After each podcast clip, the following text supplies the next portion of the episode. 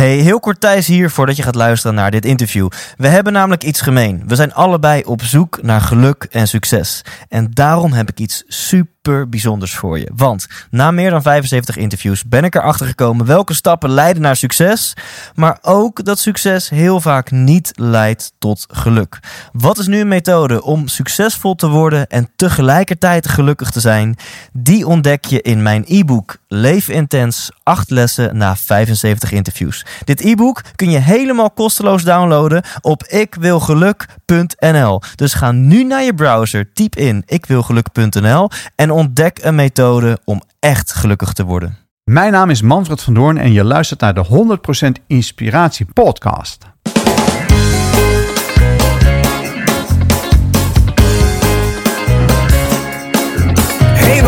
Dat je luistert. Hij staat weer voor je klaar. Je wekelijkse dosis inspiratie is weer daar.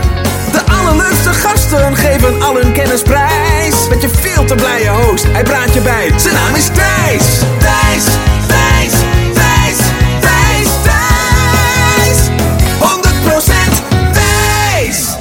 Welkom lieve luisteraar bij een gloednieuwe aflevering van de 100% Inspiratie podcast. En allereerst ben ik benieuwd, heb jij het interview van vorige week al geluisterd? Het interview met Joseph McClendon III.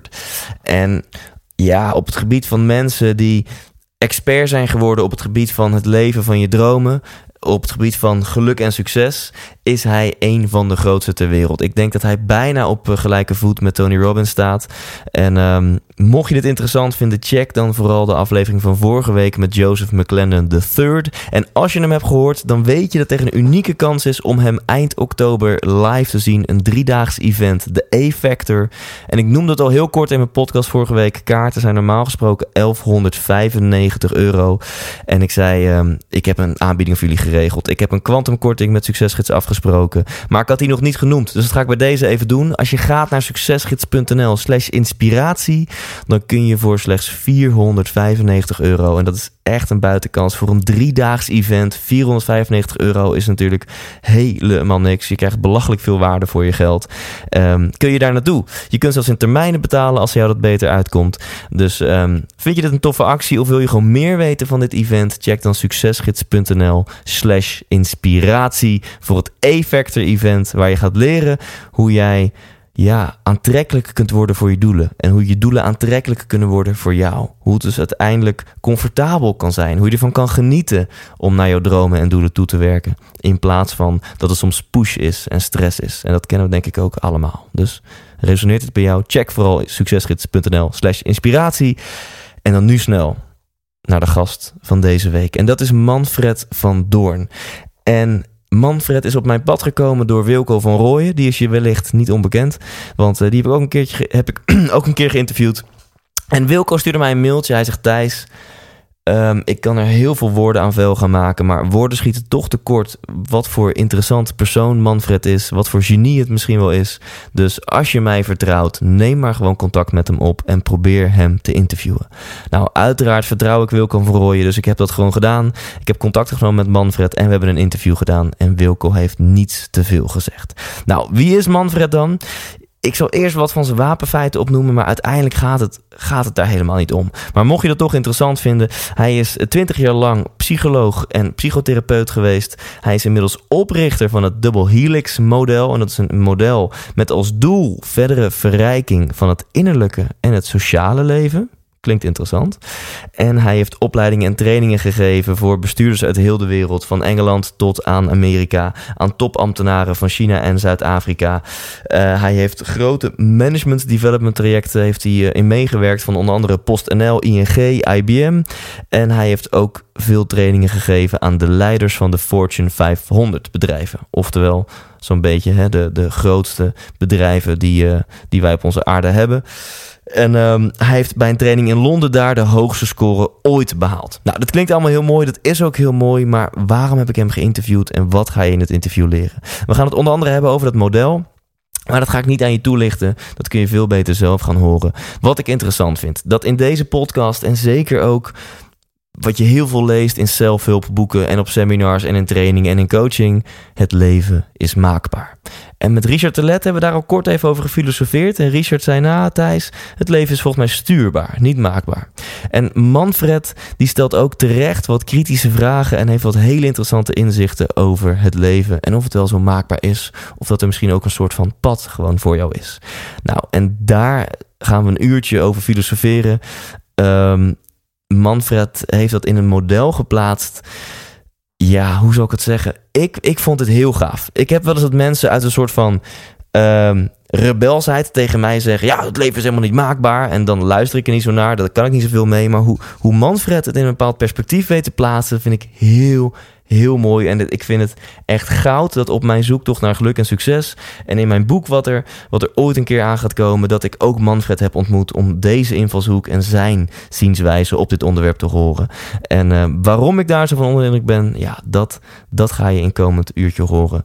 En uiteindelijk komen er uiteraard ook concrete tips uit dat model. Hoe kun je dat inzetten in je persoonlijke leven? Hoe kun je dat inzetten in je relaties, in je bedrijf of in teams? Of hoe kun je misschien zelfs op de spirituele ladder een klein stapje omhoog gaan. Ga ervoor zitten, Manfred van Door. 100% wijs! Ik zit hier uh, ja, in het mooie Haarlem op kantoor bij, uh, bij Manfred. En Manfred, voor jou uh, een eerste vraag, een bekende vraag voor mijn luisteraars. Wat wil je worden als je later groot bent?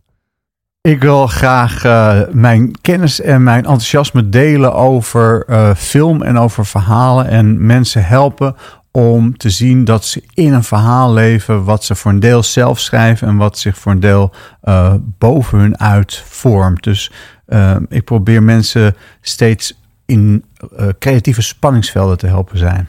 Wauw, daar zeg je heel veel met heel weinig ja. woorden.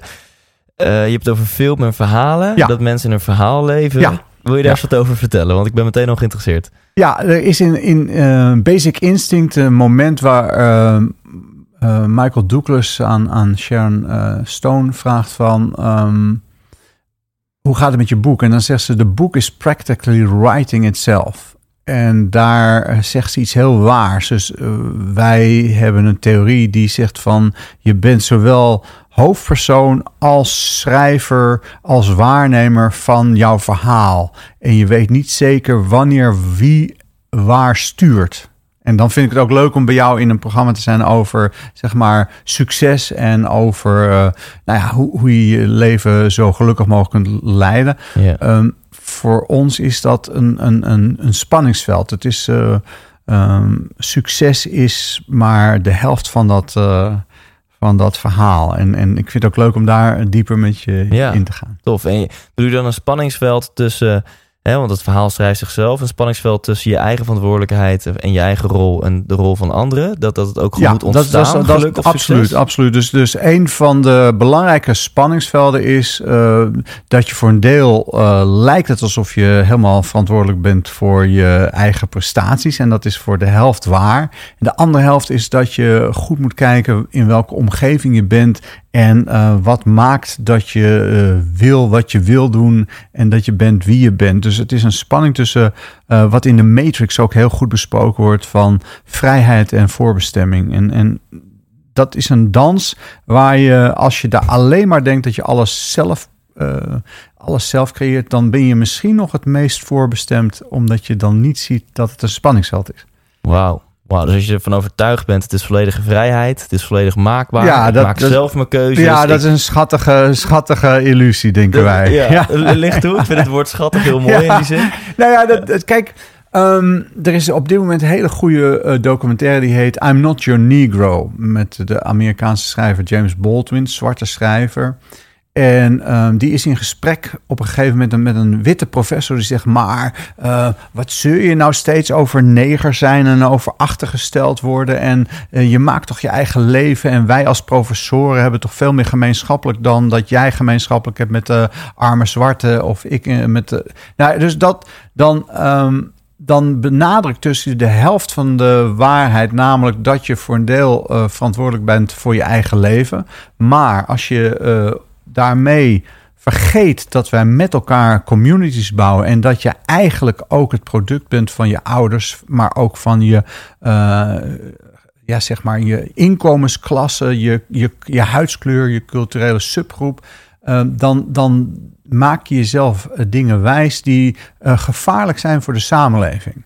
Ja. Dus eh, we hadden het net over Anthony Robbins. Dat, dat, ehm, dat zijn pep talkers waar, waar je ehm, ja, ongelooflijk veel waardering voor kunt hebben. Net als met Oprah. Maar ze zijn ook hoge priesters van een bepaalde geloofsgroepering. Die in feite heel veel kapot maakt. Omdat ze onvoldoende beseffen dat het gaat over solidariteit. Dus als je steeds zegt, het is jij bent verantwoordelijk voor je eigen leven, dan is dat een halve waarheid. Want je bent eigenlijk ook mede verantwoordelijk voor een maatschappij. En die maatschappij moet zo ingericht zijn dat grote groepen uh, mensen betere kansen krijgen. En niet een steeds grotere afstand tussen arm en rijk laten Ja. ontstaan. Dus uh, voor mij is uh, eigen verantwoordelijkheid verbonden met solidariteit. En dit bewustzijn, het bewustzijn dat, dat dit een spanningsveld is, Mhm. um, hoe uitzicht dat in day-to-day keuzes, zeg maar? Hoe uitzicht dat dan in je leven als je denkt van ja, oké, okay, dit is niet 100% maakbaar. Het heeft met verwondering te maken. Dus als je steeds maar denkt van uh, ik wil dit, ik wil dat, um, dan, dan on, on, onderschat je dat het leven misschien iets met je wil. Of dat, um, dat je uh, mogelijk met het, wat op het ene gebied succes lijkt, op een ander gebied een, een enorme tragedie is. Dus um, met, met een zeker gevoel van. Um, het wordt ook wel intellectual humility genoemd. Dus met een zekere uh, nederigheid en een zekere ontzag voor het grote mysterie rondlopen. En jezelf afvragen of uh, wat de ene figuur als succes formuleert, misschien wel de hel voor een ja. ander zou zijn. En misschien stel ik te veel hoe-vragen hoor. Maar ga ik ben, maar, ga maar. Ik ben dan heel nieuwsgierig. Ja. Sta misschien wat meer open voor dat het leven wat met jou wil. Ja. En dan denk ik, ja, um, hoe uitzicht dat? Uh, in welke situatie zou ik daar misschien even bij stil moeten staan? Dat het leven iets met mij wil. Nou, je, je had het net over, je had het net over een, een hele succesvolle schaatser. Hè? Ja. Uh, hoe, hoe heet hij? Uh, Mark Tuitert. Mark Tuitert. Ja. en dan vertel je, hij had zo'n pech. En um, hij had... en dan denk ik... Ja, ik hoor vooral ook iemand die zichzelf saboteert. Dat, uh, ik, uh, ik heb een keer een man gehoord die, die uh, was een oog kwijtgeraakt bij een. Hij zei zelf, het was een ongeluk, want ik nam een bijtel en ik sloeg op een, op een grote vrachtautoband en die knalde uit elkaar en die bijtel schoot zo mijn oog in. En toen zei een vriend van mij, die zei, nou dat is geen ongeluk, dat is gewoon een stommiteit. en uh, dat, dat, zijn, dat zijn goede vragen van... Uh, als jij zo'n succesverhaal ophangt van zo'n schaatser... die op zijn 29ste alsnog een gouden plak haalt... dan zeg ik, je moet het grotere verhaal kijken. Hij saboteert zichzelf een aantal maal. Hè? Dus uh, hij is zowel de klungel die op zo'n blokje uh, fouten maakt... En, als degene die uiteindelijk zichzelf toestemming geeft om zichzelf minder te saboteren. Dus hij is het hele verhaal. Ja. En, en daar hoort zowel de mislukking als het succes bij. En het, het succes staat in relatie tot de mislukking. En nou goed, de big picture vind ik ja, fijn. Ja. En je, je gooit nu al 36 luikjes open Ja, bij mij voor meer vragen. En la- laten we eens beginnen bij jou. Ja. Uiteraard zit hier al een intro voor voor mijn luisteraars... Ja. waarin ik jou de hemel in heb geprezen. Oh jee. En eh, ik en mijn luisteraars vinden het ook leuk om wat, wat meer te horen over jouw levensverhaal. Want je hebt ehm, een heel mooi model ontwikkeld... Ja. wat denk ik grondslag ligt aan, aan heel veel wat jij doet in het leven... Ja. en wat jij bijdraagt aan deze wereld. Ja. Ehm, waar is het allemaal begonnen? Is dat...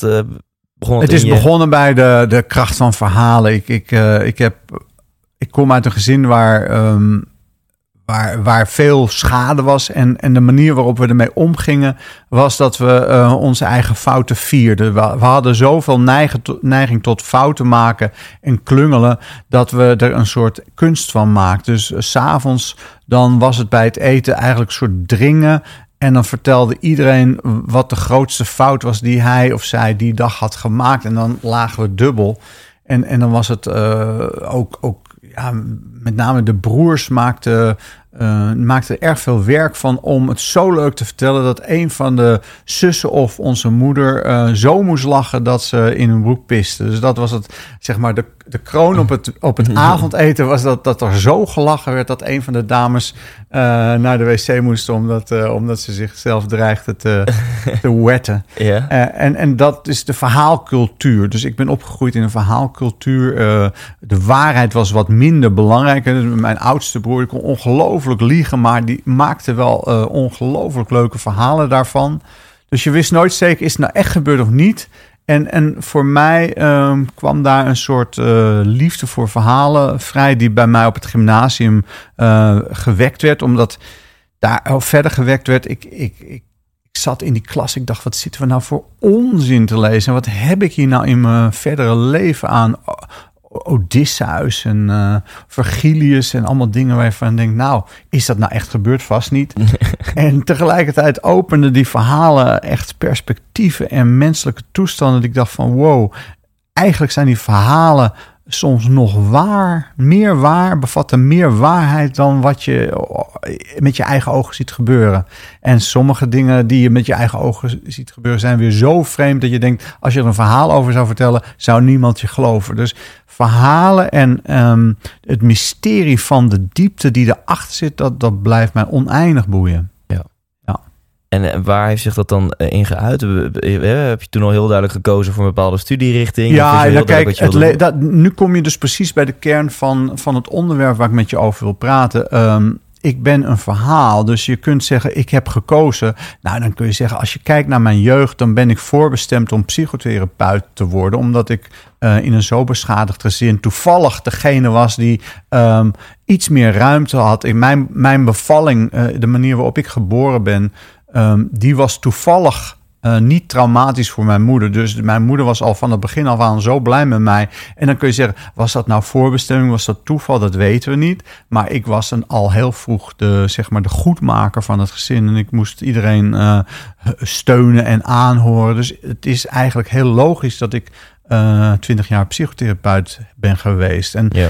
om nou te zeggen, was dat je keuze? Zeg ik ja, nou in het perspectief van wat ik je nu vertel, is het gewoon een verhaal wat zich manifesteert. En ik ben dus een verhaal wat zich manifesteert. En ik ben net zo nieuwsgierig eh, wat ik nu ga zeggen als jij. Dus het is voor mij puur eh, Mooi gezegd. ja, mysterie Ja. van wat gaat er nu gebeuren en, en wat zal ik gaan kiezen en, en wie zal ik zijn. En voor een deel kan ik alleen maar getuige zijn van oké, er manifesteert zich nu dit of eh, de wereld zegt er ja of nee tegen. Dus voor mij is ehm, het leven met dat mysterie en met eh, de vraag veel belangrijker dan zeggen hoe heb je succes? Want ehm, dat is per persoon heel verschillend. Hè? Dus misschien heeft zo'n schaatser die met zoveel moeite precies een blokje raakt, waardoor die knalt, eigenlijk ook succes in zijn verhaal. Want hij is bezig met een verhaal te leven dat groter is dan hij. Ja. Hij heeft het zelf niet door. En zit hier misschien een geruststelling in voor heel Ja, veel dat mensen? is voor mij wel de, de, de belangrijkste boodschap is troost van ehm,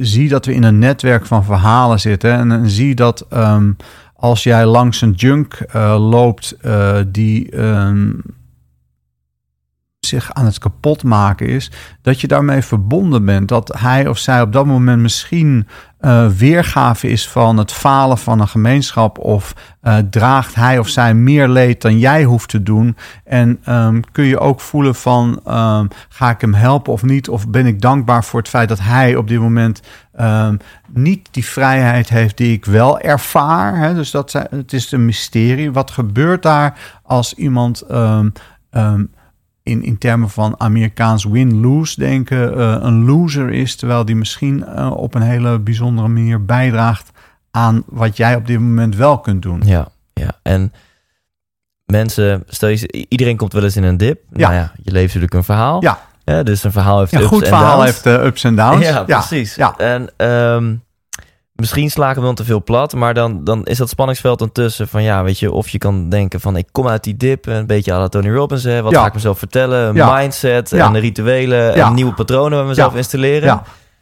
Of jezelf overgeven aan dat het even wat minder gaat. Ja, en dat is de grap. Ik denk dus dat dat tegelijk uh, moet. Ik denk da, dat is wat, wat ik uh, met ons model Double Helix probeer te laten zien: dat je cyclisch moet denken. Dat elke dag een, een, begin met een geboorte en eindigt met een doodservaring. En, en dat dat. Uh, dat het elke keer weer een wonder is dat je de volgende dag weer wakker wordt. En dat het je voor hetzelfde geld niet gebeurt. Ehm, dat, zijn, dat, dat is leven met cycli. En dan gaat zo'n cycli zich openbaren met wetmatigheden. En ik weet niet of je er wat aan hebt, want het wordt heel vaak gevraagd: wat heb je er nou aan? Ik weet het niet zeker. Ik kan alleen maar zeggen: het is leuk om structuren te doorzien, om patronen te herkennen, om, om meer diepte in je eigen leven te krijgen. En of je dan succes hebt of uh, dat je dan vrij bent, dat weet ik niet. Ik wou, ik wou dat ik zo'n leugen kon verkopen, want ik zie dat daar mensen heel erg rijk mee worden.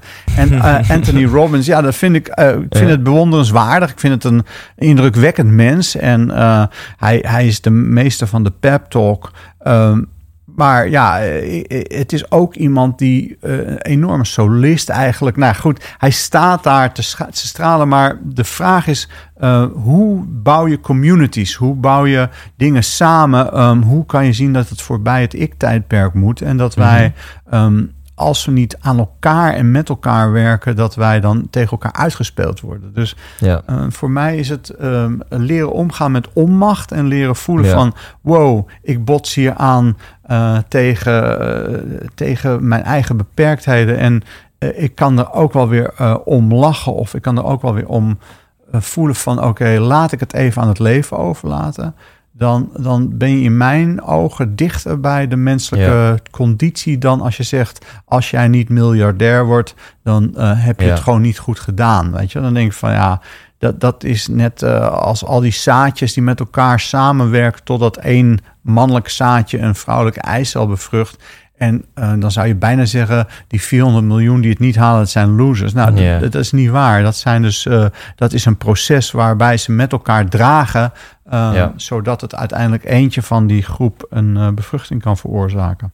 Een voorlopige conclusie van mijn zoektocht naar geluk en succes is, ja. is eigenlijk dat het leven heel, helemaal geen zoektocht is naar geluk en succes. Maar volgens mij is het leven een zoektocht naar connectie met jezelf. Mooi, mooi. Ja, dat is een, an, an, dat is een nog mooier verhaal. Dus je hebt een, een mooier verhaal. Je hebt een ja. mooier verhaal. En um, jij zegt, nou ja, stel je zit even in een dip. Dan kan je zeggen, ja, maar ik, ik wil succes en ik ga er doorheen. Ja. En je zegt, je kan ook zeggen, nou, ik laat het leven even gebeuren. Ja, ik zou zeggen, doe het allebei. Hè. Dus voel, ja, voel, okay. dat, voel okay. dat je onvermijdelijk een behoefte hebt aan probleemloos uh, stralen. En dat je tegelijkertijd een andere, diepere wil hebt die probeert samen met andere mensen, uh, zeg maar, de menselijke toestand uh, vorm te geven. Dan, dan kan je met een soort uh, compassie naar jezelf kijken van oké, gaat het me lukken of gaat het me niet lukken? Uh, wat manifesteert zich nou eigenlijk? Wil ik eigenlijk wel die bekende pianist worden? Of misschien ben ik mezelf aan het saboteren omdat ik eigenlijk uh, liever met houtbewerken bezig ben. Uh, dat zijn de, de, de spannende vragen waarmee je in je verhaal kan zitten en erboven kan zweven. En, en ja, dat dubbele bewustzijn is, is een enorme klus. Daarom heet ons model ook Double Helix. Het is altijd spanningsvelden. Ja, ja. en kan je mijn luisteraars misschien een concrete tip geven van ja, nou, dan vind je het er, erg als ik even mijn lievelingsgedicht voordraag. En dan kan ik vanuit daar een tip dat vertellen. Dat vind ik helemaal oké. Okay. Oh, fijn, ja. fijn. Mijn lievelingsgedicht dat is van Juan Ramon Jiménez, een Spaanse dichter. En uh, die heeft uh, een, een, een gedicht gemaakt, dat, dat is uh, Yo no soy yo. Dat betekent ik ben niet ik. Komt ie aan. Ik ben niet ik. Ik ben. Diegene die aan mijn zijde gaat zonder dat ik het merk. Die ik soms bezoek en die ik soms vergeet. Die zwijgt kalm wanneer ik spreek, die vergeeft zachtmoedig wanneer ik haat. Die gaat waar ik niet kom en die overeind zal blijven wanneer ik sterf. Belangrijkste spanningsveld. Dus er is Mooi. een hoger zelf, wat eigenlijk al helemaal klaar en perfect is. En er is een lager zelf, of er is een dagelijks zelf, wat klooit, wat woedend is, wat uh, niet ja. kan vergeven. En die twee, die bouwen samen een verhaal. Dus de, de, je, je bent getrouwd met, een, met iemand waarvan je denkt, wat, wat een lastige ander. En tegelijkertijd is er een hoger deel wat zegt, uh, met deze persoon kan jij veel leren. En, yeah. uh, nou, en dan is het steeds de vraag, uh, doet hij het of doet hij het niet? blijft hij bij ja. die persoon of gaat hij weg? En alles in principe zijn allemaal leuke verhalen. Dus of iemand een huwelijk 70 jaar volhoudt dat is gewoon een verhaal. Je kunt er achteraf zeggen, nou, wat een succes. Maar je kunt ook zeggen, nou, hij, hij was te bang om weg te gaan. Ja. Dat is allebei een, een, een interessante ja. verhaal. En, en het enige wat ik je als troost mee kan geven is... ik kan me niet voorstellen dat iemand eh, niet een interessant verhaal leeft. Zelfs iemand uh, die hersendood op een ziekenhuisbed ligt, die maakt een onwijs spannend verhaal. Misschien niet zelfbewust meer mee, maar de mensen die hem of haar helpen en die moeten besluiten of we Ja. wel of niet dat lichaam laten leven, die leven in een hartverscheurend spannend verhaal, ondanks het feit dat die persoon Ja. daar eh, nauwelijks bewust over lijkt te zijn. Wat moet het mega interessant zijn om Manfred van Doorn te zijn? Ja, nou of beetje- jou, ik bedoel, Ja, eh, ja, ik, Als ik zo'n kijkje krijg in jouw, hè, in jouw belevingswereld en je kan altijd eh, links en rechts, je kan alles van meerdere kanten bekijken. Ja. Ik denk dat jij de hele dag dit soort verbindingen maakt in je hoofd. Ik, soort- ik heb een heel vrolijk, eh, mythische leven. Ja, Ja, dus, ja. eh, dus eh, ja, ik, ik zie mensen als manifestatie van krachtenvelden. En als ik jou binnen zie komen, dan denk ik, oh, gespierde gozer. Hij heeft het over succes, maar hij staat nog met zijn handen voor zijn, voor zijn buik, is nog wat gesloten. Dan denk ik, ja, dat zijn allemaal leuke thema's. Dus als ik een boek over jou zou, zou moeten schrijven, dan zou ik dus al die dingen gebruiken van, oké, eh, dat doet me daaraan denken. Hij heeft zijn kuifje, hij heeft nog, weet je, allemaal van die, eh, van die dingen van, die maken dat als jouw verhaal verder gaat, dat je dan achteraf kan zeggen, nou ja, oké, hij moest nog dit leren, hij moest nog dat leren, of eh, wauw, hij brak in één keer door. Dat zijn allemaal variaties die, ehm, die allemaal eh, gewoon heel erg leuk zijn om naar te luisteren. En Ja. Ehm, wat ik zie dat mensen toch eh, gewoon als behoefte hebben, is dat ze toch een heel klein beetje grip willen hebben en toch een heel klein beetje willen voorspellen. En, en, en dat, dat is een hele dierbare menselijke behoefte. En, en daar bied ik wat handvatten aan voor van oké, eh, dit is een thema over hechting. Nou, dat gaat vaak zo. Eh, dit is een triomf van iemand die problemen heeft met hechting. Dan laat ik een beeld zien van kijk, het lukt hem of haar toch. Hè? Dus ja. Dat, zijn de, dat, dat is mijn, mijn werk, is om mensen troostende en richtinggevende beelden te laten zien over variaties van verhalen. Want we willen heel graag zekerheid in het leven, een beetje Ja, grip, een beetje ja. controle. Ja, een beetje. Die zegt het goed, omdat er ook een behoefte is. eh, dus je kunt zeggen, het is een polair proces. Er is één kant van onze persoonlijkheid die wil graag controle. En er is een andere kant die zegt, eh, gooi de boel maar door elkaar. Weet je, wel? dus die twee zijn altijd met elkaar op spanning. Eh, Ja. Er is een kant die zegt, eh, goh, wat, wat ben ik toch eh, mooi en gespierd. Of, en dan kan er een andere kant zijn die zegt, ja, maar daar gaat het niet over. Weet je, dus dat, dat zijn de Ja. spanningsvelden. Ja. En dan is het toch leuk om aan je lijf te werken en aan je geest. Omdat het allebei een manifestatie van een geheim is. En als we kijken hoe jouw leven zich heeft gemanifesteerd, Ja. je nou in eerste instantie ben je psycholoog, psychotherapeut Ja. geworden voor 20 jaar. Ja, en ik bedoel, dat is puur neurotisch. Hè? Dus daar zit een, een deel spiritueel in. Van oké, hij gaat dat voor bepaalde mensen doen. En het is ook liefdevol. En tegelijkertijd is het ook gewoon dat wat ik goed kan. En dan na twintig jaar, dan heb ik mezelf helemaal ehm, onderwezen in. Heb ik alle levensverhalen die ik zocht, eh, ehm, heb ik meegemaakt. Ik heb, ik heb, ik heb eh, eh, heel inspirerende en heel afgrijzelijke dingen gezien en gehoord. Zelf ook eh, eh, goede dingen gedaan, foute dingen gedaan. En dan opeens is het op. Dan is dus blijkbaar mijn verhaal zegt, mijn lichaam zegt, ik wil dit niet meer. Ik heb geen zin meer om psychotherapeut te zijn. En dan ga ik ook verder klooien. Dus ik duw mezelf ook uit dat beroep. En dat is dus zo'n moment van doet hij het toe- of doet hij ja, het niet? dus doet hij het of doet hij het niet. Maar wie dat dan besluit, dat is een mysterie. Want eh, het gebeurt gewoon in mijn lijf dat zegt, ik heb geen zin meer, weet je. Dus dan zeg ik, oh, oké, Manfred heeft geen zin meer. Nou ja, Manfred is gewoon eh, een samenstel van spanningsvelden. Dus het lichaam wilde niet meer. En, en het lichaam zegt, nu is het klaar. En het toeval zei, oké, dan hebben we heel leuk werk voor je als eh, leiderschapstrainer.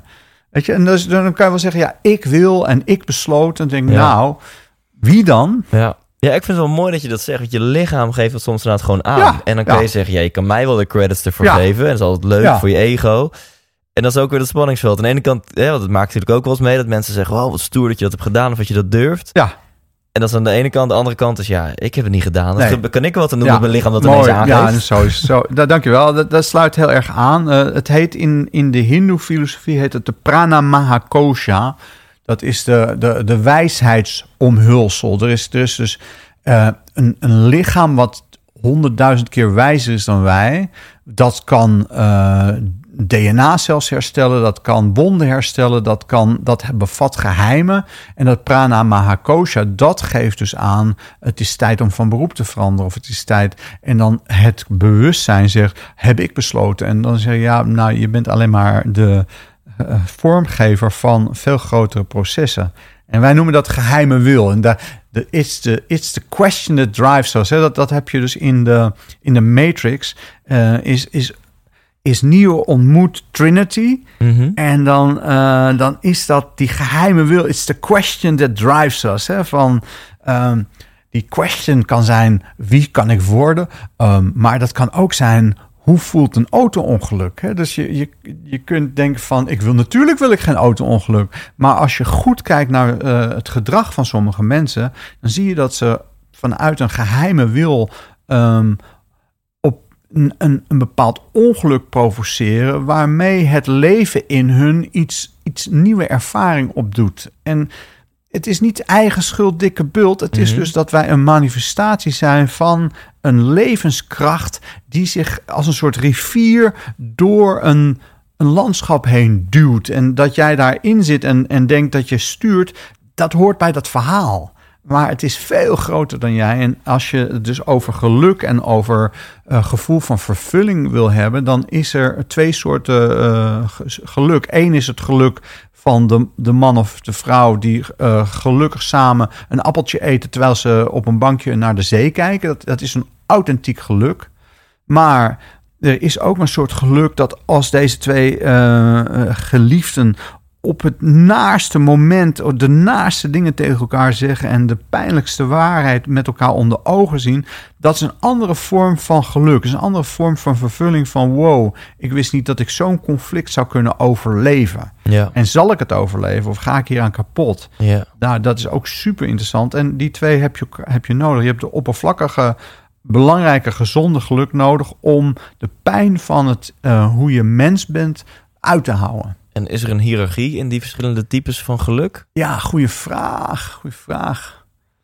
Ah, um, ja, ik voor mij wel. Dus uh, ik, ik vind dat je het leven met het mysterie, het leven met van wow, waar ben ik terechtgekomen, dat dat toch wel hoger is dan dat je denkt, ik ben er. Ja. Voor mij is uh, die verwondering, de stilte, het, het soort mengvorm van overgave en verzet.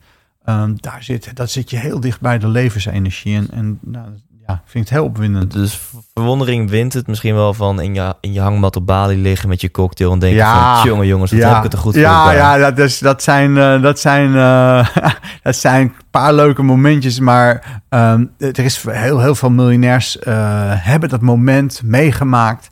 En worden er helemaal gek van. Hè? Dus, ja, het zijn maar aan wij, weinig mensen is dat hun verhaal dat ja. zij op Bali uh, verder niks meer doen omdat als je inzoomt, zelfs op mensen die op Bali in een hangmat liggen, um, dan, dan zijn ze natuurlijk wel weer aan het, aan het, aan het ontwikkelen. Het, het stopt niet zo gauw. Toch wel, dit is even een wending, maar ik vind het wel interessant. Ook toch wel interessant dat dat in het land van ZZP'ers of kleine ondernemers is dat heel erg die endgame, weet je wel? Mm -hmm. Dat beeld van met je laptopje ja, in een hangmat ja, op Bali. Ja, ja. Het is volgens mij helemaal niet menselijk, want dan, dan zou je dus verlangen naar een soort van doelloos bestaan ja, of. Nou, dit is of blijkbaar de stip op de horizon die iedereen nodig heeft. Ja, ja. Dat, is, ja, ja dat, dat, is, dat is een heel legitieme manier om jezelf gaande te houden. En, ja. en, en, en dat het misschien nooit bereikt wordt, dat maakt niet uit. It's, it's better to travel hope, hopefully than to arrive. Ja. En, en, um, ja.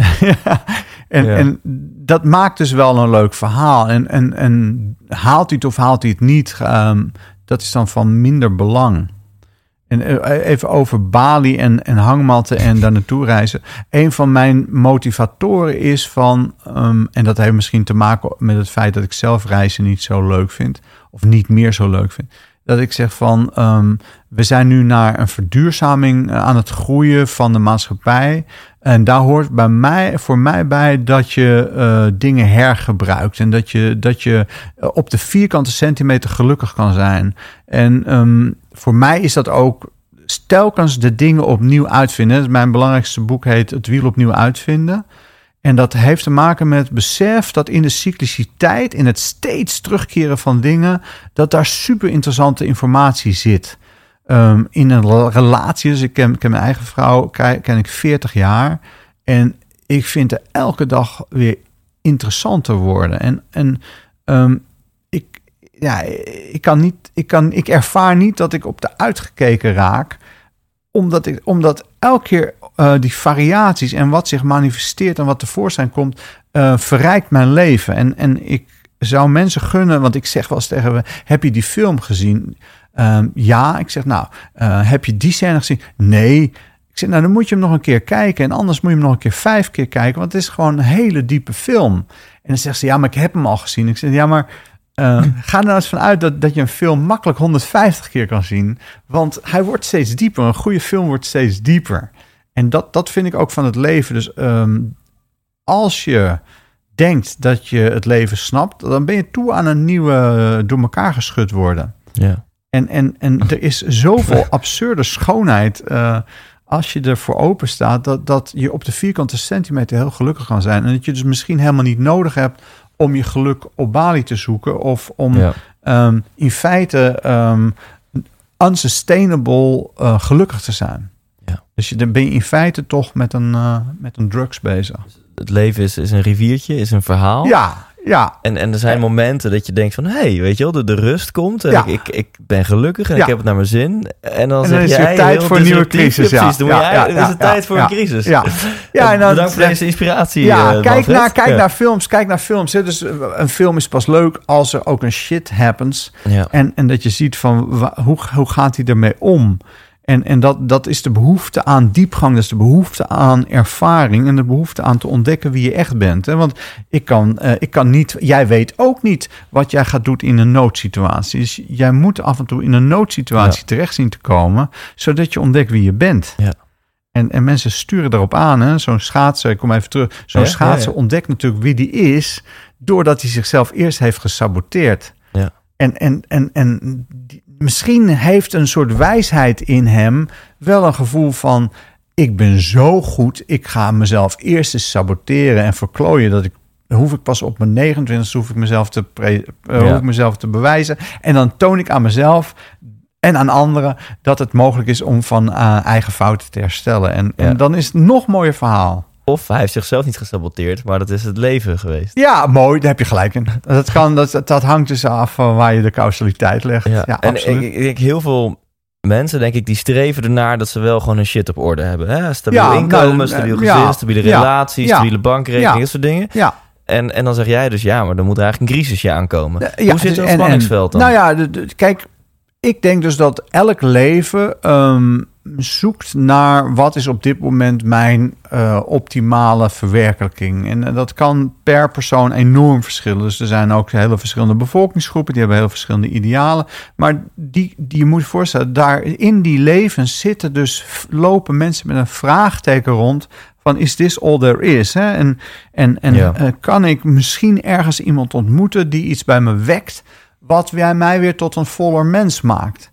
En, en bij sommigen is dat een heel intense ervaring van... oké, ik, ik wil aan mezelf werken, ik ga yoga doen... ik ga geen vlees meer eten, ik ga mediteren.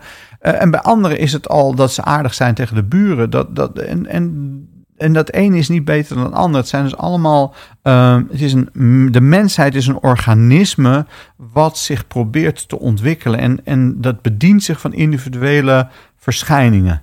En, en op dit moment zijn we dus, doordat we aan de grenzen van onze groei zijn, dwingt de mensheid zichzelf om nieuwe vaardigheden te ontwikkelen. Eh, Het is natuurlijk fantastisch dat wij nu eh, als mensheid of als Rijk Westen in ieder geval in staat zijn om te zeggen van we moeten niet zoveel plastic zakjes in de oceaan gooien, want eh, we- dat komt een enorm eiland van plastic van.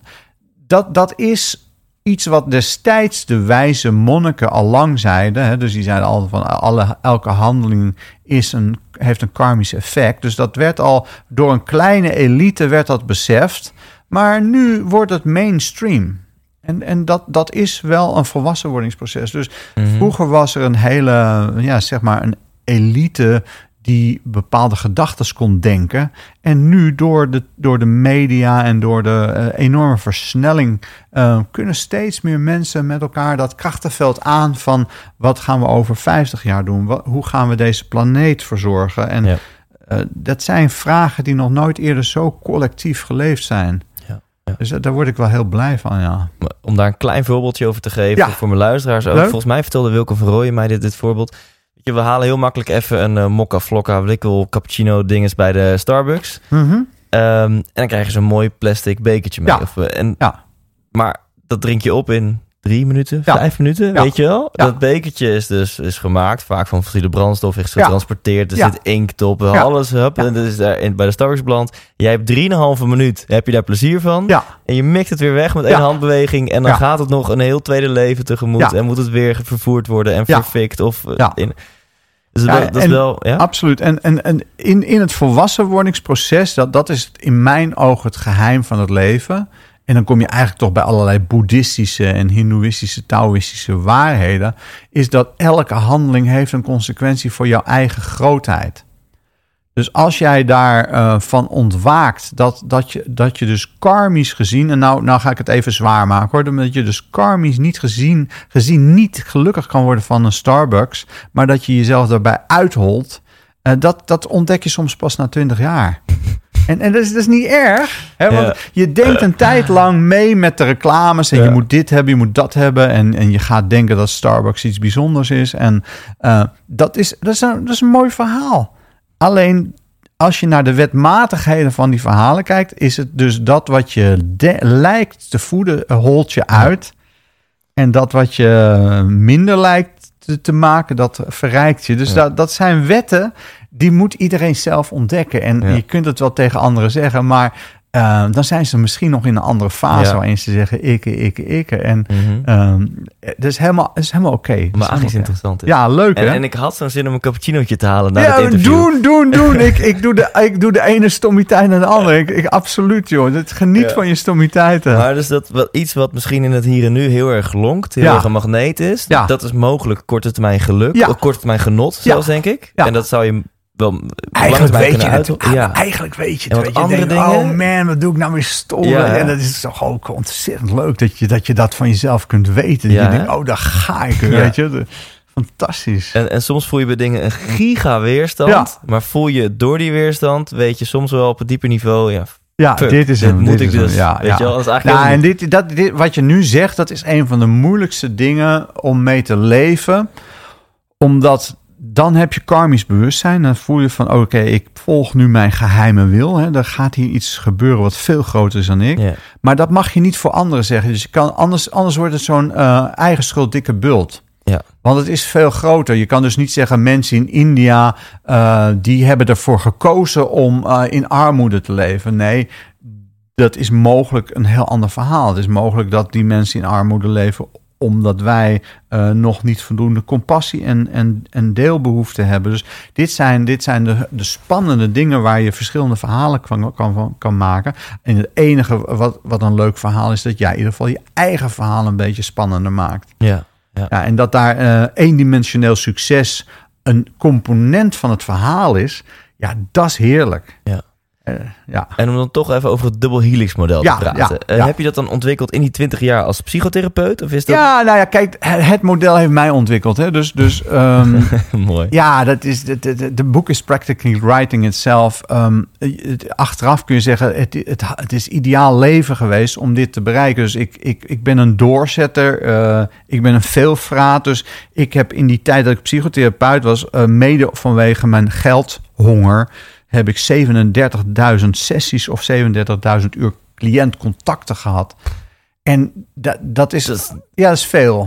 Als je, als je goed je best doet, Ja, dan heb je ja. 1500 uren in een jaar. Ja, zeg nou, dat was echt- bij mij eh, boven de 2000. Ja, en dan heb ik niet over werkuren, alleen klant- Ja. of cliëntcontacturen. Ja, ja, ja, ja. Dus, nou, goed, dus het, was, het was neurotisch. Ja? Maar, en, en omdat ik zo'n veelvraat was, zag ik op een gegeven moment, ik, hé, hey, daar heb je dat thema weer. hey, die man eh, zuigt eh, op zijn lip terwijl hij dat vertelt. Of, oh, hij, hij- Dus op een gegeven moment ga je die patronen herkennen. En denk je, Ja. hey, eh, er zijn maar, al- als je naar al die diagnostische categorieën zijn, dat is niet zoveel. En als je nou 7 miljard mensen hebt en die hebben allemaal verschillende thema's, eh, dat kun je wel herkennen. En dat zijn, iedereen heeft een variatie binnen dat thema, maar je kunt wel levensthema's herkennen. En daar heb ik toen ben ik op over gaan studeren en ik heb het uiteindelijk heb ik het opgehangen aan de twaalf eh, beelden van de dierenriem. Ehm, niet omdat ik iets van astrologie weet, maar wel dat dat hele krachtige archetypen zijn. Hè?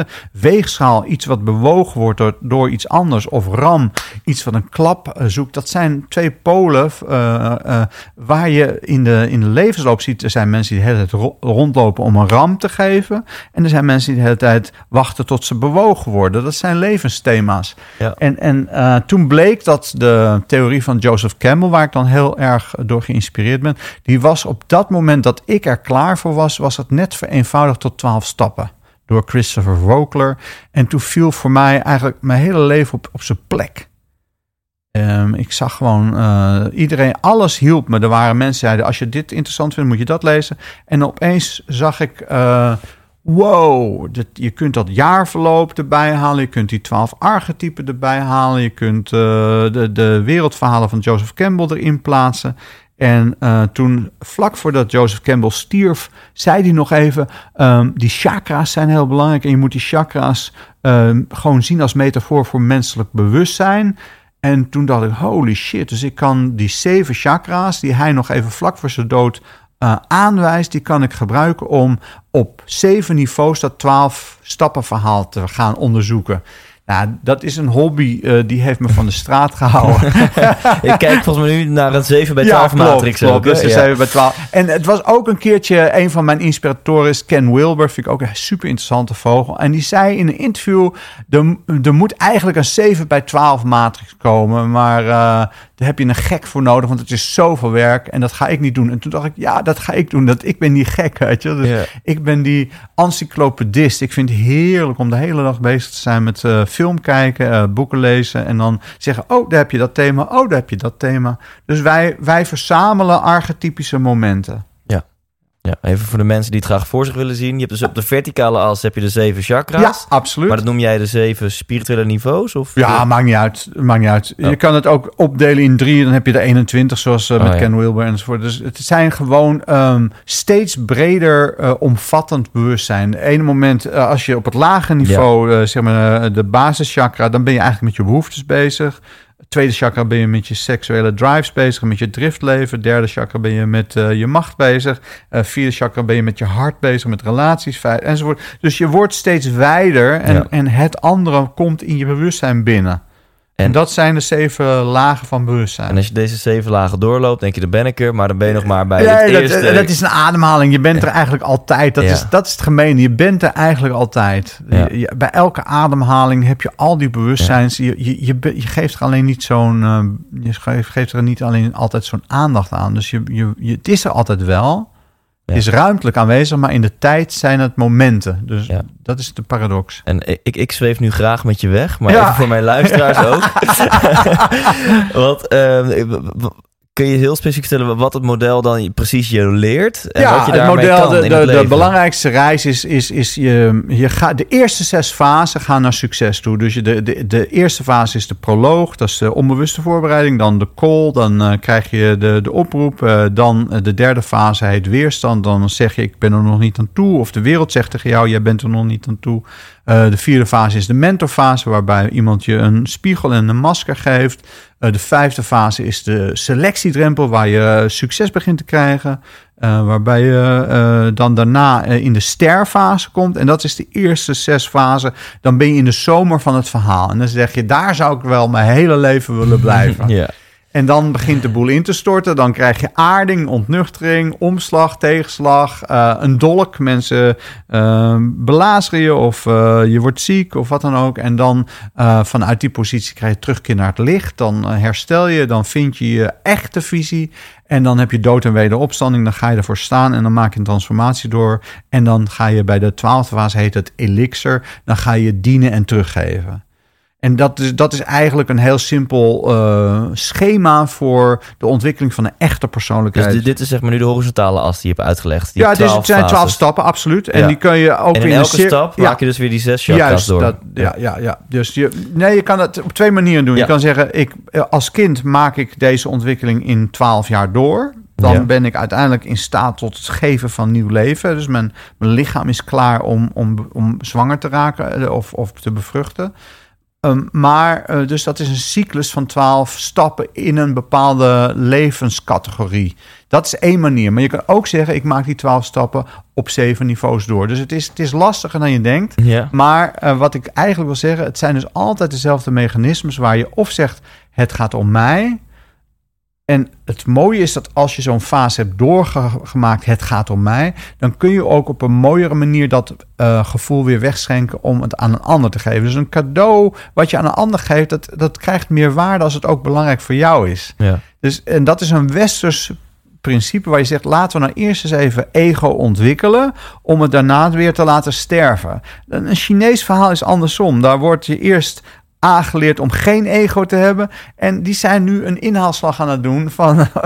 hè, Zo'n Jack Ma is eigenlijk ook eh, ontzettend met zijn ego bezig. Dat is gewoon heel leuk. Ja. Nou goed, dus dat, dat zijn variaties van het verhaal over, van over de hele wereld... waarbij je op zoek gaat naar wie ben ik echt... en wat is de, de dood en wederopstanding die ik ga doormaken. En als mensen nu luisteren en denken, oh, ik vind het interessant, ik wil dit model eens over mijn eigen leven heen leggen, of ik ben benieuwd in welke stap, of welke fase ik zit. Ja, nou ja, we, geven heel veel trainingen. Eh, Kijk even op www.doublehelix.com, ehm, helix met EA. En kijk even naar de opleidingen. We zijn eh, al 15 jaar bezig met, en dat komt dit jaar eh, naar buiten, met movie learning. Dus wij zijn al die fragmenten die we in onze trainingen hebben gebruikt de afgelopen 15, 20 jaar, die zijn we aan het ordenen aan de hand van dat model. En dan maken we daar nu video-gebaseerde courses over. Dus 12 stappen van opvoeden, 12 stappen van eh, persoonlijkheidsontwikkeling, 12 stappen van leiderschap. Het is voor mij een heerlijke aanleiding om al die fragmenten eh, Mhm. beschikbaar te maken. Ja. En, en dat, dat gaat in september naar buiten komen. En misschien ook om een, om een legacy na te kunnen laten. Ja, tuurlijk. En, en, en nogmaals, die legacy, dat is ook ehm, een behoefte van mogen bijdragen. Weet je, ik heb zoveel enthousiasme in me en ik vind het verschrikkelijk leuk om het met een publiek te mogen delen. En dat publiek geeft mij dan ook weer wat. Dus, dus het, het, het is een, een tweekanten geschenk. Als ik met jou praat, dan is het niet zo dat ik jou iets geef. Er ontstaat iets tussen ons, waardoor het zo ontzettend veel energie geeft. Ja. En dat, Ja. dat is een mysterie. Dat vind Ja. ik een, een absoluut, absoluut eh, cadeau. En ehm, als mensen dit nu horen, denken ze, nou ja, dit is...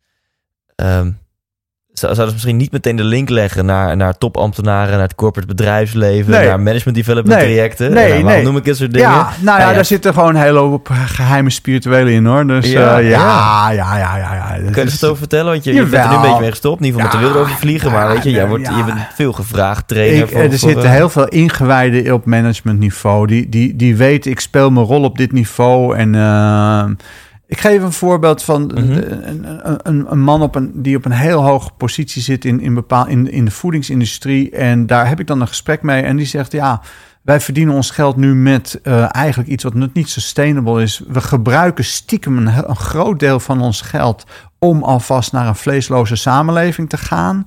En ehm, als wij nu niet in die, in die top van die markt blijven, als wij dat gat niet dichten, dan komen er nog grotere schoften dan wij. eh, en die vullen dat gat. Dus wij moeten nu twee dingen tegelijk doen. We zijn bezig nog met eh, zo, zo ehm, zeg maar integer mogelijk die toppositie in de markt te vertegenwoordigen. mhm. Ondertussen meer dan verantwoord geld naar RD. ehm, voor producten die uiteindelijk ons huidige product eh, om zeep gaan helpen. Nou, dat zijn interessante hoge bewustzijns en dat kom ik veel tegen. En, Ja. en er zijn ook mensen eh, die beseffen, ik ben een goede leider en ik zit bij een corporatie waar ik eigenlijk niet zo gelukkig over ben, maar ik zorg stiekem nog dat mijn personeel zich kan ontwikkelen. En op een gegeven moment stap ik over naar een NGO of eh, hoop ik dat ik kan bijdragen aan een beter verdienmodel. Dus het is en en. Er zitten heel veel. Niet, er zijn niet alleen maar graaiers of zo. Dat, dat, dat, dat- er zijn heel veel mensen die ook beseffen. eh, we zijn met een heel belangrijke transitie bezig. En wanneer gaat dat momentum komen? En Ja. hoe kunnen we met elkaar de gedachte creëren van een beter verdienmodel? En ehm, je gaat me denk ik niet vertellen dat op topniveau dat het eigenlijk alleen maar hele spirituele wezens Nee, zijn. absoluut die- niet. Nee, nee, nee. Wel- Ik, nee, nee, nee. Ik, ik, ik zie er ook heel veel narcisten en psychopaten rondlopen. En, en ja, god, dat, dat, die zitten in hun eigen hel. Hè? Dus ik denk niet dat ze het leuk hebben. Speelt er niet heel veel angst op toplevel. Ja, dat is angst om mens te zijn. Het is, het is ook doodeng om te Ja, voelen ook, wat er ook niet angst voor de aandeelhouder. Ja, maar de aandeelhouder, ah joh, dat, dat zijn de papa's en mama's die, eh, die nooit genoeg liefde hebben gegeven. dat zijn, weet je, het, het feit dat je, dat je het nodig hebt om, om heel veel geld te beheersen of, of om, om je als een psychopaat te gedragen, dat, dat is een tra trage- tragisch verhaal. Ja. De, de, de zelfmoord eh, bij Engelse bankiers ligt geloof ik drie keer boven het gemiddelde. Dus dat, dat- die zijn niet gelukkig. Ze zijn wel rijk, maar ze zijn niet gelukkig. Ja. Ehm, dus, dus daar gaat het over. Van, van wat, hoe komen zij verder in hun verhaal? Want wat, wat maak je mee als je een training geeft? Ik denk dat je hele intense trajecten doet. Hè? Ja. De top van, van eh, IBM of Ja. Unilever. We noemen Eh. geen namen. nee, maar dit, dit hou ik van je site. Ja, oké, oké, oké, ja, ja, ja.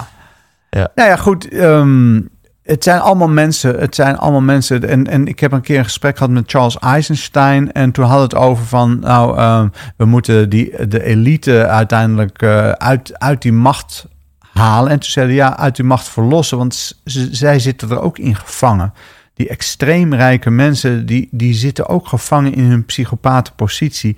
En ik denk dat zij ook een stuk gelukkiger zijn als wij die afstand tussen eh, extreem arm en extreem eh, rijk, eh, dat we dat verkleinen. Omdat er aanwijzingen zijn dat uiteindelijk de gemeenschap en, en de leden van de gemeenschap gelukkiger zijn als die afstand niet zo extreem groot is. Ja.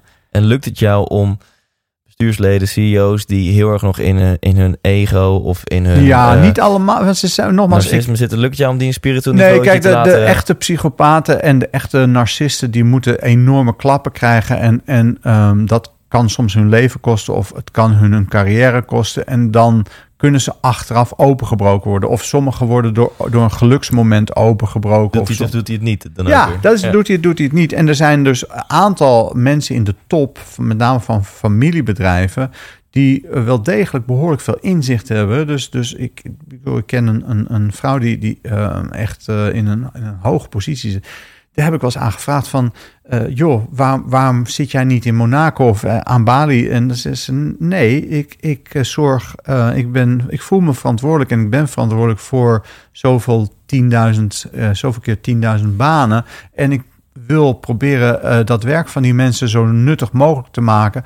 Terwijl ik ook de shareholder value van het familiebedrijf heel wil houden. Nou ja, dat zijn interessante, bijna offerposities waar Ja. zo iemand iets doet waarvan je zegt, nou ja, blijkbaar is dat Bali-scenario toch niet zo aantrekkelijk. Nee, nee. Mag ik nog een paar vragen Ja, leuk, Hebben we nog graag. tijd? Ja. Ja. Ehm, allereerst nog even over, eh, over jouzelf. Eh, Als van eh, therapeut, zeg maar, die Ja. eh, psychotherapeut die Ja. 2000 contacturen per jaar doet, Ja, tot aan ja, veel gevraagd spreker wereldwijd bij, bij, bij de Fortune 500 bedrijven, bij de grootste bedrijven eh, van de wereld. Hoe, hoe is jouw persoonlijke carrière? Hoe heeft het zo'n onwijze sprong gemaakt? Geen idee. Geen enthousiasme en toeval. Ik bedoel, ik, ik, ik, ehm, kom dus uit een gezin waar er veel geluld werd. Dus dat had ik al mee. Eh, ik heb ontdekt, en dat gaat dan ook weer via zo'n reis van held... dat ik spreken in het openbaar heel leuk vind. Ik dacht eerst niet, hè, want toen bij mijn eerste lezing... eh, was ik zo bang en suicidaal dat ik aan mijn vrouw eh, moest vragen van... hou me tegen, want ik heb de neiging om voor de tram te springen. Zo bang was ik. En dan kan je zeggen, ja, dat is, dat is neurotisch. Of je voelt aankomen hoeveel consequenties deze gebeurtenis Mm. gaat hebben. En dat je voelt van, holy shit, wil ik dit wel? Want als, ik, als dit Ja. gaat lukken, dan eh, moet ik misschien wel Wauw. 5000 lezingen gaan geven. Dat, dat zijn de spanningen en dat zijn de verhalen. En dus ik kan alleen maar zeggen, het is gebeurd. En ehm, ik, ik ben een, een rare neurotische mix van eh, succesvolle kanten en enorm zelfdestructieve kanten. En het is dus nog maar de vraag wat mijn verhaal gaat worden. Ik, ik voel wel dat ik nog midden in mijn verhaal ben en dat het nog niet Ja, klaar is. Wat vind je het leukste om te doen? Weet je, je, je high-five met topambtenaren, je high-five met Fortune 500 bedrijven. Je hebt hier in Haarlem heb je ook gewoon je trainingsruimte. Wat vind je? Ja, ik, ik ben eigenlijk toch wel een soort eh, priester. Ik denk dat wat ik het allerleukste vind, is als we met elkaar een fragment kijken uit een film of uit een documentaire. En er gaan luikjes open. Mensen, mensen eh, zien opeens de, de laag, lagen erin. Eh Aldous Huxley noemt het throughness, doorte. Dus dat je voelt van holy shit, in zo'n kort verhaal, daar zit zo oneindig veel eh, spirituele beleving eh, er openbaart zich iets aan me. En, en dan zijn we eh, met elkaar onwijs gelukkig. Ja. We gaan een beetje van hot naar her, maar ik probeer Ja. nog mijn laatste vragen zo op je af te vuren. Vanuit dat model, vanuit de inzichten, ik kijk Ja. nu naar op de muur. Ehm, wat kunnen mensen ermee bijvoorbeeld in hun, in hun relaties of in hun eh, persoonlijke carrière of in hun team, in hun bedrijf? Welke lessen kunnen ze daaruit Ja, halen? nou, het is, het is net als met, met schilderen. Dus ehm, je kunt gewoon een goede tekening maken. Iedereen kan, eh, een kind kan een mooie tekening maken, punt. Maar als je beter wil worden in, in, in, een tekening maken, dan is het handig om eh, te ontdekken eh, wat perspectivische wetten zijn, ehm, wat de kleuren zijn, eh, wat de verschillende gevoelens, wat roept rood op, wat roept geel op. Dat zijn de wetmatigheden van de ziel. En ja, daar zijn, we, daar zijn wij mee bezig. Dus wij zeggen: oké, eh, als je iemand wil beïnvloeden, eh, ga op zijn minst vanuit dat er twaalf verschillende aanvliegroutes zijn als je iemand wil beïnvloeden. En ehm, durf ook te zien dat, dat het misschien juist heel goed is als het je niet lukt. Of, dus de rijkdom en de structuren die er zijn, eh, die bieden we aan. En eh degene die de patronen herkennen, ja, die hebben toch iets meer voor op de mensen die niet, geen idee hebben waar ze in zitten. Ja. En misschien even, even heel kort door de bocht, maar stel als ik dit, zo'n training, eh, in een, ik, ik ben een organisatie die trainingen en seminars aanbiedt Ja. en ik zou het in een boekje moeten zetten, Ja. dan kom je waarschijnlijk onder het kopje spiritualiteit. Ja, dat- ja ik denk het niet. Ik denk dat we, we komen bij heel veel bedrijven toch in het, in het kopje praktische toepasbaarheid. Het heeft dus te maken met dat als wij met een team werken, dan, dan maken we ze duidelijk dat het juist niet alleen gaat over tot aan performing gaan, maar dat het verder gaat. Dus dat je van forming, storming, eh, norming, informing, performing, uiteindelijk ook door die hele twaalf stappen moet. En, en dat een team pas interessant is als het een heftige crisis heeft doorgemaakt. Ja. En dat daar de mensen het meest van groeien. En die troost van ga er doorheen. Eh, dat, dat is eigenlijk onze belangrijkste boodschap. En er zijn wetmatigheden. Er zijn al mensen die die paden, paden gelopen hebben. Eh, doe er je voordeel mee. Dat is onze boodschap. En dan zijn we Ja. opeens heel praktisch. Ja, misschien de vraag die ik eigenlijk wil stellen is... Dit, ik vind dit zo magisch interessant. En ik voel dat hier zoveel waarde en inzichten in zitten. Ja. En ik, ik wil eigenlijk die 7 x 12 vlakjes allemaal gaan lezen ja, straks. kan ik je je. aanbevelen. Staat, staat in, in jouw boek eh, het wiel opnieuw uitvinden. Ja. Sta- staat daar dit model Ja, daar is elke, dat zijn allemaal eh, zeg maar opengevouwen stappen. Dus het, het, het zijn eh 96 categorieën, omdat er is nog een, een nulde laag. Je hebt Ja. ze- 7 maal 12, dat zijn de niveaus. En dan is er nog een 12 stappen die zitten buiten tijd en ruimte. Dat is de mythische ondergrond. Ja. Dus het zijn 96 volts waar je zegt, oké, eh, het krijgt allemaal aandacht, ja. Ja, dus voor de mensen die net zo autistisch zijn als ik. Het is Ah, allemaal ja, stap ja, ja, het is Ja. heel goed geordend. Ja, oké. ja. Prachtig. En ehm, ik vind het dus zo magisch interessant. En toch heb ik het idee dat onze wereld nog zoveel hoofd is. En dat je er wel heel goed moet zoeken en heel erg voor open wil staan. Wil je mensen zoals Manfred van Doorn ontmoeten en, en, en op, op zo'n pad belanden, zeg Ja, maar. nou, Goethe noemt dat het openbare geheimen. Dus de, er is zo absurd veel schoonheid elke seconde... dat als jij sterk genoeg bent, dan openbaart die schoonheid zich. En als het, als het nog niet goed is, dan, dan moet je ziel nog even dicht blijven. De, de, de- Ja. dat, daar zit, daar zit een, een grotere wetmatigheid in... waar je niet zo aan kan... Je kan dat Ja, niet ja. zo forceren. Ja, want er zit bij mij wel een, een oordeel of een teleurstelling van... Hè, waarom is, niet, is dat niet iedereen hiervoor open? Maar Nou ook dat, moet ik kun je. loslaten. Nou, maar maar dat nee, is- nee, dat- nee. Ik Oh. vind dat hoef je niet los te laten. Ja? Kijk, jij bent bezig op jouw manier met, eh, met je blogs. En, en jij bent jouw weg naar de, naar de mensheid aan het vinden. En, en, en ehm, ik vind het heel fijn dat jij jezelf aantrekt. Dat als iemand in jouw buurt niet ontwaakt is, dat je zegt: eh, dat ligt aan mij. Ik heb gewoon mijn werk nog niet goed genoeg gedaan. Nou, dan, dan, als je dat kan hanteren, dan word je een heel groot persoon. En als je het niet kan hanteren, dan, ga je, dan word je almachtig. Want dan denk je, ik moet de wereld redden. En dus voor een deel is dat dus waar. Jij moet de wereld redden. En tegelijkertijd is het zo, wij moeten met elkaar eh, de wereld redden. En tegelijkertijd is het zo, de wereld hoeft niet gered te worden. Het is een fantastisch verhaal. Ja, mooi. Tot slot, boeken en films. Laten we beginnen bij boeken. Daarna gaan we het over films hebben. Ja, Eh, nou ja, dan- alles van Joseph Campbell, dat is voor mij, eh, dat is voor mij eh adembenemend. Het ja. zijn zinnen in waar, waar ik voelde van... Joseph Campbell. Joseph Campbell, ja, dat is van de, de, de, de held met de duizend gezichten en fantastische, de maskers van God. Nou, absurde, absurde goede verhalen. En Daar, nou, dat is voor mij openbarend. Dat heeft mijn leven veranderd. ja. ehm, ja, als ik één film zou mogen zeggen die je in mijn ogen niet genoeg kunt kijken, dat is Groundhog Day. Groundhog Day. Ik, Ja. ik wil het je niet aandoen om één film te vragen, maar je, Nee, je kan dit het is wel. absu- Groundhog Day. absurd, absurd goed. Ehm, en dat, dat is duidelijk ook een, een, een, een, zeg maar een cadeau aan de mensheid geweest. Wat maakt dat jij die film zo bijster interessant vindt? Nou, de, de achtergrond is dat er, het is geschreven door een zen-boeddhist. Eh, die wilde op een of andere manier eh, wilde die de, de mensheid laten voelen wat karma en reïncarnatie is. En die heeft dus gewoon eh, gedacht van ik ga een heel simpel motief. De man die zit vast in een dag en die kan die dag 40.000 keer opnieuw doen. Die dag is exact hetzelfde. En zijn houding ten opzichte van die dag, dat maakt of hij gelukkiger wordt of niet. En eerst gaat hij graaien en, en misbruiken en dames misbruiken enzovoort, enzovoort. Omdat hij voorkennis heeft. Eigenlijk precies wat je ook in de economie ziet gebeuren. En hij wordt daar steeds leger van. En hij, uiteindelijk gaat hij vele honderden keren zelfmoord plegen. En hij ontsnapt toch niet aan die dag. En als hij na, na al die zelfmoordpogingen denkt hij... Nou, laat ik er dan wat van maken, weet je. En dan gaat hij piano spelen. Hij, want hij beseft, oké, ik, ik heb geheugen over die terugkeer. Dus laat ik gewoon de vaardigheden van de Oh, ene ja. dag overhevelen aan de vaardigheden van...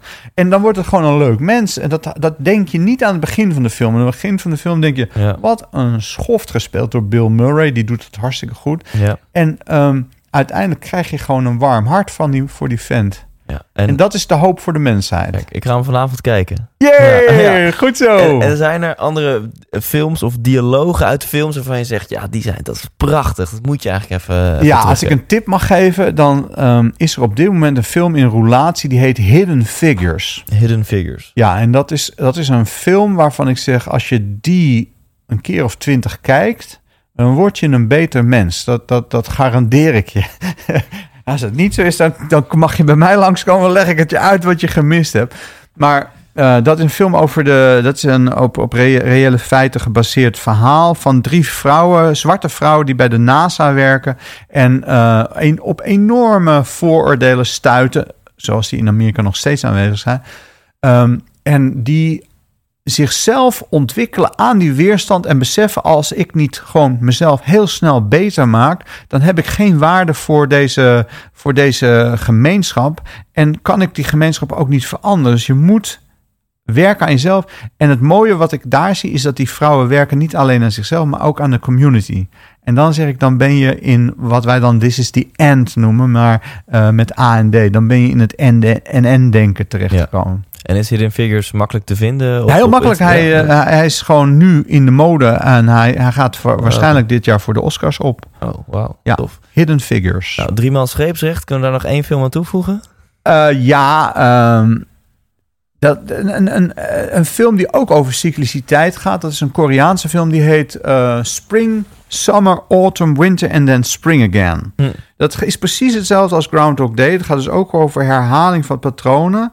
En eh, dat volgt ook dat 12 stappen eh, ritme heel strak. En dat gaat over eh, uiteindelijk eh, verlossing en dankbaarheid.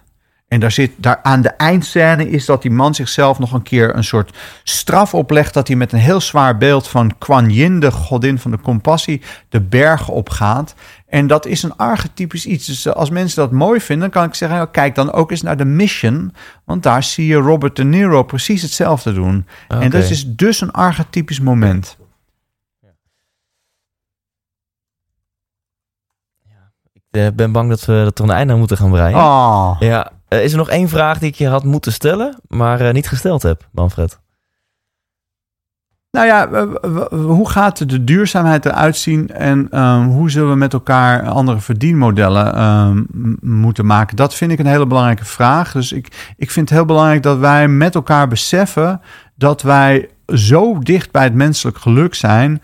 eh, dat wij eh, nu kunnen uitvinden dat de gevangenis waar we in zitten niet op slot is.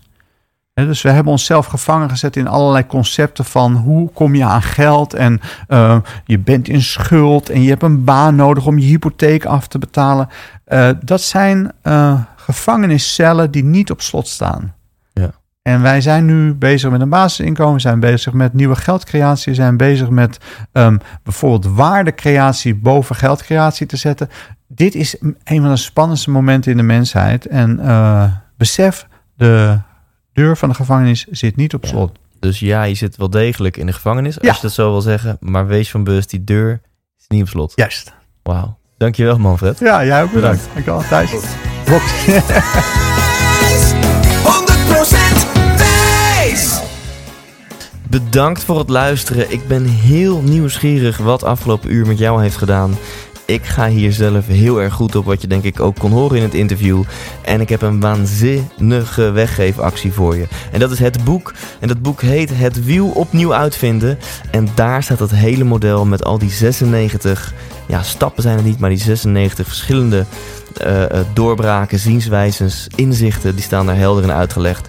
Het is een gigapil van een boek, eh, A4 formaat. Het ziet er ook heel erg mooi uit. Ik weet niet wat dit boek normaal gesproken kost, maar ik denk dat we het niet over twee tientjes hebben, maar wel over heel wat meer. Dus ik vind het een grote eer dat Manfred er gewoon eentje aan mij mee heeft gegeven en hem, heeft gesigneerd om te verloten aan een van mijn luisteraars. Dus check even dat boek Het Wiel opnieuw uitvinden van Manfred van Doorn. En wil je die winnen, dan moet je even een mailtje sturen naar Thijs apenstaartje thijslindhout.nl en dan maak ik de winnaar bekend. Dat doe ik via mijn Facebookpagina 100% Thijs Lindhout. Dus like je die nog niet, like hem nu 100% Thijs Lindhout op Facebook. Daar maak ik dan de winnaar bekend van het boek Het Wiel opnieuw uitvinden.